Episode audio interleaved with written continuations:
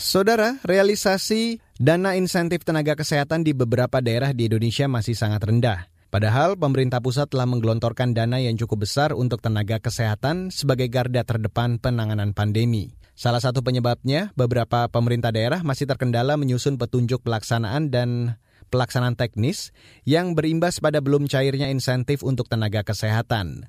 Berikut saya hadirkan laporan KAS KBR yang disusun Adonia Bernike.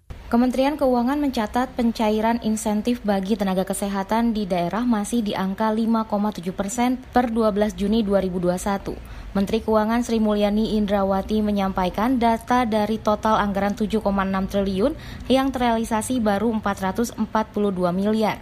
Kata dia, realisasi pencairan insentif belum ada yang mencapai 20 persen.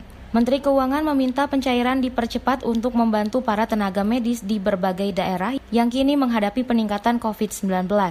Senada dengan itu, Kepala Subdit Direktorat Dana Alokasi Umum Kementerian Keuangan Aditya Nur Yuslam juga menyayangkan belum maksimalnya dana dalam kas keuangan daerah dialokasikan bagi insentif tenaga kesehatan. Ini informasi yang kami terima dari data yang ada yang tersalur ke Kasda dan dibayar kepada tenaga kesehatan itu baru 78 persen. Dan sampai dengan tanggal 14 Juni, sisa BOKT di kas daerah masih sekitar 970, 917 miliar.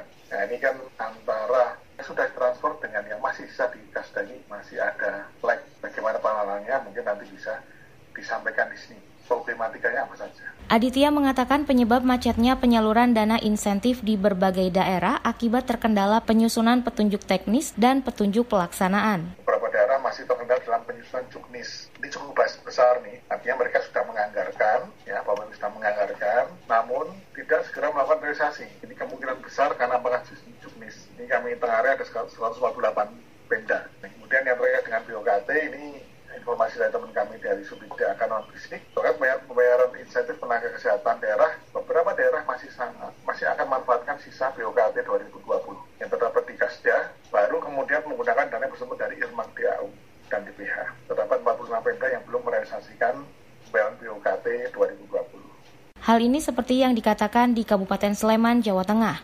Dana insentif untuk tenaga kesehatan terkendala juklak dan juknis dari Kemenkes. Seperti disampaikan Kepala Badan Keuangan dan Aset Daerah BKA Sleman, Haris Sutarta. Anggaran untuk nakes ini sekitar 36 miliar untuk tahun 2021.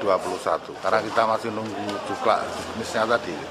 Iya, ya artinya uh, mereka segera mengharapkan itu bisa cair dan kita juga berupaya asal itu jumlah jenisnya turun itu segera kita realisasikan.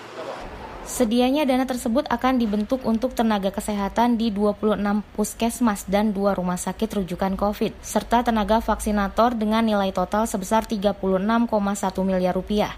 Realisasi pembayaran iuran tenaga kesehatan tertinggi tercatat di Provinsi Jawa Tengah yaitu sebesar 454 miliar yang diberikan kepada 114 ribu tenaga kesehatan.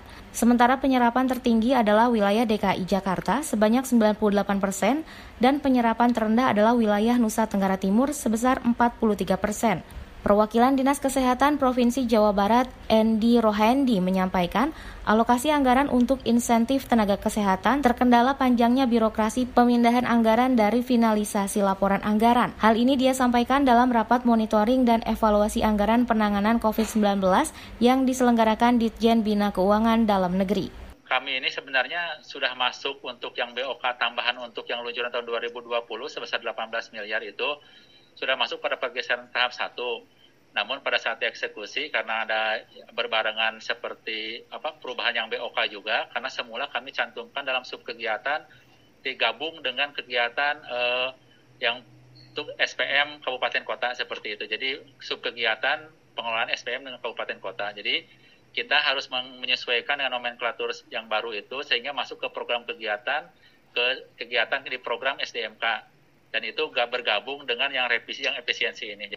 Ketua Tim Penanganan COVID-19 DPP Persatuan Perawat Nasional Indonesia PPNI Jajang Sudrajat mendorong pemerintah daerah dan pusat untuk segera memenuhi hak tenaga kesehatan yang bertugas sebagai garda terdepan dalam penanganan pandemi. Ya, nakes ini kan menjalankan tugas negara ya. Jadi terkait anggaran ya silahkan ditangani oleh pemerintah, para pemegang kebijakan. Sebagai halnya yang lain kan tetap petugas yang lain ya di luar tenaga kesehatan kan diberikan fasilitas yang kurang lebih uh, tidak berbeda gitu ya, seperti sebelum pandemi. Nah, nakes juga harusnya sama, apalagi saat ini nakes merupakan uh, pejuang di garda depan. Demikian laporan khas KBR yang disusun Adonia Bernike. Saya Dwi Renjani. Kamu baru saja mendengarkan news wrap up dari KBR Prime. Dengarkan terus kbrprime.id, podcast for curious mind.